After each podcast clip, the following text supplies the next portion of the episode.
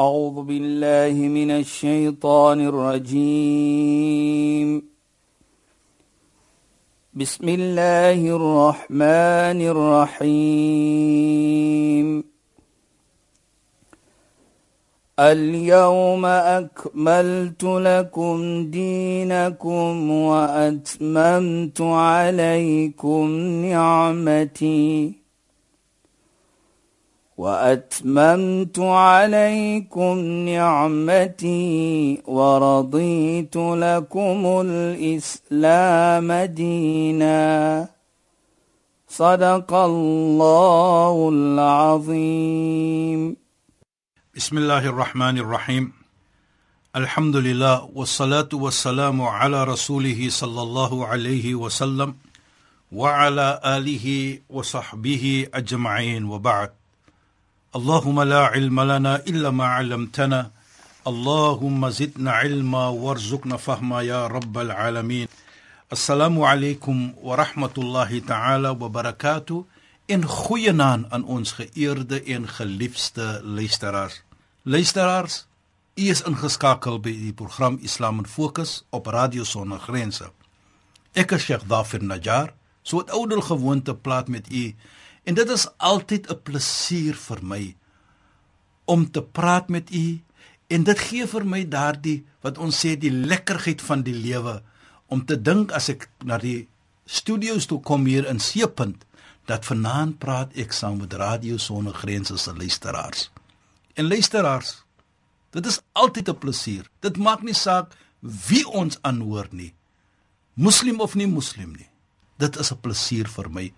Van baie kere as ek so by plekke is en ook ontmoet mens en baie belangrik, nie moslime, dan sê hulle vir my daardie stem is bekend en ek kan ongelukkig nou nie my stem wegsteek nie. Maar dan is dit lekker. Is 'n lekker gevoelendheid vir my om mense soos u hulle wat vir ons aanhoor om te kan ontmoet. En waarlik waar glo my vir hy as ek vir u ontmoet is dit my plesier meer as dit plesier bring vir u. Ek hoop so dat ek sal meer plesierig wees. Ek sal meer lekker kan voel en genot kry as ek miskien die oomblik kan gegeen word altyd om 'n luisteraar te ontmoet. Maar laat ons verder gaan. Wat ons verlede week afgeëindig het. Ons het afgeëindig by 'n gesegde van die heilige profeet Mohammed sallallahu alayhi waar ons gesê het 'n persoon by die naam van Abdullah ibn Mas'ud radhiyallahu anhu Allah tevrede wees met hom het gekom na die heilige profeet en vir hom gevra ayyul a'mali afdal? Wat is die beste van aksie van doen en late van ibada vir my om te doen? En ons het gesê as-salatu ala waqtiha sê die heilige profeet vir hom om te sala op tyd om jou 5 daaglikse salat te maak op tyd. Nou ons weet is die vyf salas en vyf ibadat wat ons doen en aanbidding wat ons doen die gebede is een is vroegoggend, twee is is in die middag, die derde een is laatmiddag, die vierde is net as son sak en die laaste ene is natuurlik 'n tydjie na die son gesak het in die aand.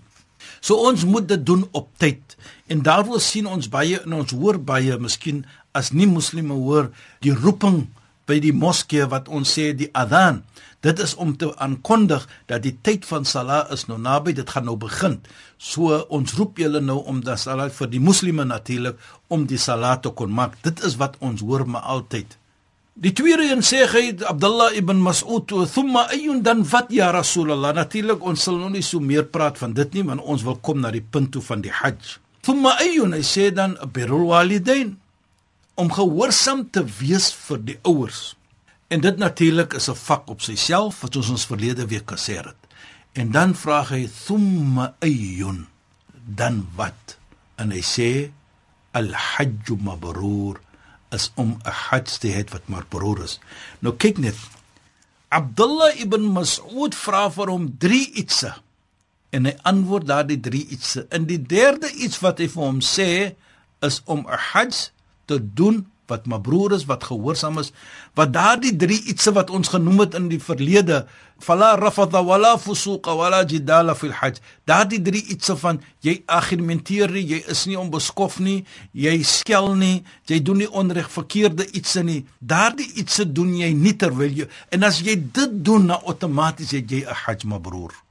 Soos ons verstaan dit. Nou, baie belangrik vir my is dat die eerste twee is wat ons sê is pilare van Islam. Die sala is 'n pilaar van Islam en die hajj is 'n pilaar van Islam. Dan in die middel praat die heilige profeet Mohammed en hy sê vir Abdullah ibn Mas'ud die gehoorsaamheid van die ouers. Nou hoekom dan? Is dit net wat ons sal sê 'n coincidence dat hy noem die sala eerste, dan die ouers, die gehoorsaamheid van hulle en dan die die hajj mabrur. Nou wat baie belangrik is en dit is waar ek wil sê dat die gehoorsaamheid van die ouers word tussen die sala en die hajj genoem. Wat bedoel vir my is die aanvaring van jou sala en om daardie hajj mabrur te kry is geheg aan die ouers. Hoe? As jy nie 'n gehoorsame kind is nie, As jy 'n persoon is en mag Allah vir ons bewaar en ek glo waarlik ons is nie van daardie mense nie. Ons wil altyd mooi lewe met ons ouers, soos ons mooi wil lewe met mense. Maar as jy nie 'n gehoorsame kind is nie of was nie en jy onderneem die pelgrimreis en jy is 'n ongehoorsame kind, laat dit verstaan jy kan nie 'n hajj mabrur kry nie as jy 'n ongehoorsame persoon is nie. Selfs sal jou sala ook hang as jy 'n ongehoorsame kind is nie. Want waarlik waar die heilige profeet Mohammed sallallahu alayhi sê, "Ar-ridha fi ridha al-walidain wa sakht Allah fi sakht al-walidain." Allah se tevredenskap met jou sal net gekry word as die ouers, die moeder en die vader tevrede is met jou. En Allah se ontevredenskap het met jou is as jou ouers ontevrede is met jou. Nou kan ons verstaan wat ek bedoel. Dat Allah sal net tevrede wees met jou. Jou salat sal net aangeneem word. Jou hart sal net mabroer wees as jou ouers tevrede is met jou. So met ander woorde, jy moet regmaak met jou ouers. Jy moet om daardie hajj mabroer te kry, om die voordele van die hajj te kry, daardie voordele wat Allah noem in die Heilige Koran, li yashhadu manafi'a lahum, sodat hulle kan getuie dra die voordele wat te kry is in hajj, kan ons net kry en sien die oomblik ek reg is met my ouers. Hulle is tevrede met my. Ek respek hulle, ek waardeer hulle en gee vir hulle alle aandag wat hulle toekom. En dit sê vir my dan, onthou wat ons gesê het in die verlede jy sal net sien hoe sterk jou verbintenis met Allah is met die Heer is as jy 'n gesonde en 'n mooi verbintenis het met mens. Jy kan nie met mens kwai vriende lewe en skel en onbeskof wees nie en verwag dat jy moet 'n sterk en 'n goeie verhouding het, 'n verbintenis het met Allah subhanahu wa ta'ala. Nee, dit werk nie so nie. Ons moet mooi lewe met mekaar ons moet respek mekaar. Dit maak nie saak wie jy is nie. Dit maak nie saak watter kleur jy is nie. Dit maak nie saak watter afgrond jy kom nie. Maar respek moet ek toon vir u. En dan soos dit het. Kyk net hoe affekteer dit wat ons sê die ibada wat ons genoem het, die hajj mabrur. As ek nie mooi lewe met my ouers nie, dan affekteer dit my hajj. Dit affekteer my salat, die aanneming van dit soos ons sê, maak masala tot daar 'n gat in die grond is. Maar as jy nie opreg is met jou ouers nie, bedoel dit niks. Jy moet regmaak met jou ouers. Jy kan maar gaan hajj, maar as jy nie regmaak met jou ouers nie, wat bedoel daardie hajj? En nou luisteraars, die Nabi sallallahu alayhi hy sê ook iets baie mooi verder van die voordele wat ons praat van. Hy sê dat as 'n persoon vra vir Allah dat sy dua, sy gebed word aanvaar, word aangeneem. En hy sê die da'watul hajj as dit kom van hom daardie gebed, daardie dua outomaties neem Allah subhanahu wa ta'ala dit aan. Ek weet dit herinner vir my van die dag van Arafah. Dit is die belangrikste dag van die Hajj, soos ons verstaan wat die Nabi gesê het, sallallahu wat hy sê, al-Hajj Arafah, Hajj is Arafah. Wat bedoel dit? As jy nie op Arafah was nie, is jou Hajj nie reg nie. Kan nie aanvaar word nie. Jy moet wees op Arafah. Nou, as ons kyk net byvoorbeeld dat die Hajj self die dag van Arafah self is so 'n heilige dag, 'n groot dag. Nou die Nabi sallallahu alayhi sê, "Ma min yawmin afdalu 'inda Allah min yawm Arafah." Daar is nie 'n groter dag, 'n heilige dag by Allah nie as hierdie dag van Arafah. Nou ek vra myself natuurlik hoekom sal die heilige profeet nou so praat? Nou as ek net so 'n sketsie gee vir ons. Wat die heilige profeet Mohammed sallallahu alayhi vir ons sê, ons weet die hujjaj, die pelgrim wat is op Arafah, wat hulle doen. Hulle maak Allah hoog. Hulle lees die Koran. Hulle wat ons sê maak tasbih. Maar jy wat 'n nie pelgrim is nie, op hierdie dag wat kan ons doen? Wat sê die heilige profeet Mohammed sallallahu alayhi?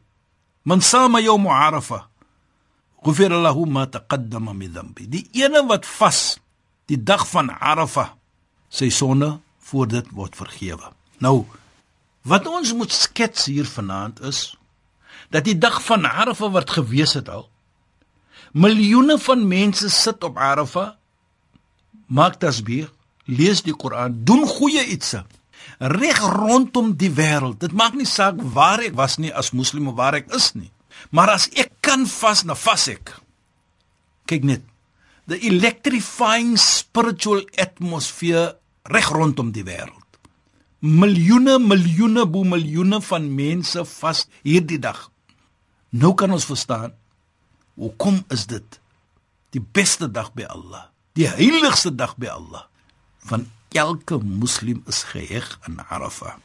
Daarvoor vind ek dit nogal nie strange soos ons sal sê wat die heilige profeet Mohammed sallallahu alayhi uh, praat van hy sê dit is die ahwanul yawm ala shaytan waar satan the most disgrace is is op die dag van Arafah wat bedoel? Hy voel skaam hy is net disgrace want dit is waar ons sien dat die hujjaj die pelgrims hulle maak tasbih met Allah subhanahu wa ta'ala. Hulle maak Allah hoog hulle prys Allah subhanahu wa ta'ala. En die nie hujjaj, die nie pelgrims, ons wat nie daar was nie, ons vas op hierdie dag. En Satan is dit afsoos te sê daar's nie werk vir hom nie op hierdie dag nie. Van iedere en elke moslim is geheg aan hierdie dag. En dan sien ons die pelgrims, hulle het als opofferinge gedoen. Hulle het geld gespandeer. Hulle het goeie ietsie gedoen altyd hulle respek mens. Hulle het nie daardie drie iets gedoen wat ons van gepraat het nie. Die rafata fusuqa wala jidal. Daardie drie iets hulle het geargumenteer. Hulle het nie mens geskel nie. Hulle het nie onregverdig gewees met mense. Hulle het nie verkeerd aan mens gedoen nie. Hulle het mens gerespek. Nou op hierdie dag, wat gebeur dan? Volgens die gesegde van die heilige profeet Mohammed sallallahu alayhi dat Allah subhanahu wa ta'ala so trots op sy slawe, sy mense wat die pelgrimsreis onderneem het. Dan spog Allah subhanahu wa ta'ala met sy engele waar die heilige profeet sê Mohammed sallallahu alayhi fayubahi bi ahli al-ard ahli as-sama fayaqul Allah spog met sy mense op die aarde by die wat in die hemel is die engele en wat sê hy hy sê undru ila ibadi Ja'uni min kulli fajjin amik. Kyk net na my slawe. Hulle kom van heinde en ver. Hulle hare is deurmekaar. Natuurlik vol stof soms. Die gesig is vol stof. Hoe kom hulle? Ja'uni yarju rahmati. Hulle kom, hulle soek my genade. Walam yarawad. Hulle soek my genade maar hulle het nog nooit gesien my straf nie. Nou kyk net. Allah subhanahu wa ta'ala praat met sy engele en hy is trots op die mense wat staan op Arafah en hy laat ek dit so sê hy breek van die mense op wat staan op Arafah. En hy sê aan hulle: "Ya malaikati ushidukum anni kad ghafartu ahla Arafah." O my engele, ek neem julle as getuie dat ek die mense van Arafah vergewe het. Kyk net. Dit is hoe Allah subhanahu wa ta'ala praat met sy engele. He brags, he boasts about them. Deur die opofferinge wat hulle gemaak het om hulle families agter te laat en die mooi manier hoe hulle gelewe het terwyl hulle die pelgrimreis onderneem dat hulle sit vir alle in 'n toestand wat alle kan trots wees op hulle en sodoende breek alle van hulle by die engele. En hulle dra getuie dan en hy sê vir die engele ek waarlik waar het vergewe die mense van Arafah maar laat ek dit 'n bietjie verder neem dat die engele antwoord dan en sê o Allah onder hulle is so en so 'n persoon. Hy of sy was 'n persoon wat miskien ietsie verkeerd gedoen het die gedoen of dat gedoen. Het die persoon is onder hierdie godjats wat sê Allah subhanahu wa ta'ala dan qad ghafartu lahum faqad ghafartu lahum wie seker ek het hulle ook daardie mense ook vergewe. Nou kyk net. Dit is wat ons glo. Dat die Hujjaj dat die mense wat gestaan het op Arafah Allah was trots op hulle en hy het die engele gesê om getuie te dra dat ek vergewe die mense van Arafah. Nou laat ons dan ook mooi dink dat hier kom die Hujjaj terug. Hulle kom terug skoon. Hulle kom terug na hulle families toe. En voordat hulle terugkom, natuurlik moet hulle teruggaan na die Kaaba toe om die tawaf wat ons sê die tawaf al-ifada te doen. Nou ons was by die Kaaba, ons het tawaf al-qudum gedoen, ons sê die, die tawaf van qudum wat tawaf is of arrival. Nou doen ons die ifada wat geheg is aan die Hajj. Nou wat dit laat vir my verstaan, daardie iets as ons terugkom ons het die eerste tawaf gedoen en toe het ons gegaan na Arafah toe en ons kom terug na die Baitullah Allah se huis toe om die tawaful ifada te doen wat vir ons laat verstaan inna lillah wa inna ilayhi. Van Allah kom ons en nou gaan ons na Allah terug. Nou gaan ons na Allah terug mense luisteraars hoe lekker gevoel is dit nie om te kan dink dat u se moeder u se vader, u se familie, broer of suster of enige een, 'n vriend het die pelgrimreis onderneem. Hy of sy is terug in haar of sy land en hy of sy is vergewe. Mag dit 'n inspirering wees vir ons ook. Dat hulle vir ons beloon eendag om van sy gaste te wees en om te kan weet en glo dat hy sal en hy wil en hy gaan vir ons vergewe. Luisteraars, ons bid vir u en ons vra dat u moet vergewe word. Allah moet vir ons almal vergewe en vir ons goeie mense maak wat net mooi lewe met mens. U was ingeskakel by die program Islam in Fokus op Radio Sonder Grense. Ek is Sheikh Dafer Najjar wat met u gepraat het. En dit was my plesier. En ek hoop dat u 'n lekker nagrus en 'n groet u. Wassalamu alaykum wa rahmatullahi wa barakatuh in goeie naand. أعوذ بالله من الشيطان الرجيم بسم الله الرحمن الرحيم اليوم أكملت لكم دينكم وأتممت عليكم نعمتي وأتممت عليكم نعمتي ورضيت لكم الإسلام دينا. صدق الله العظيم.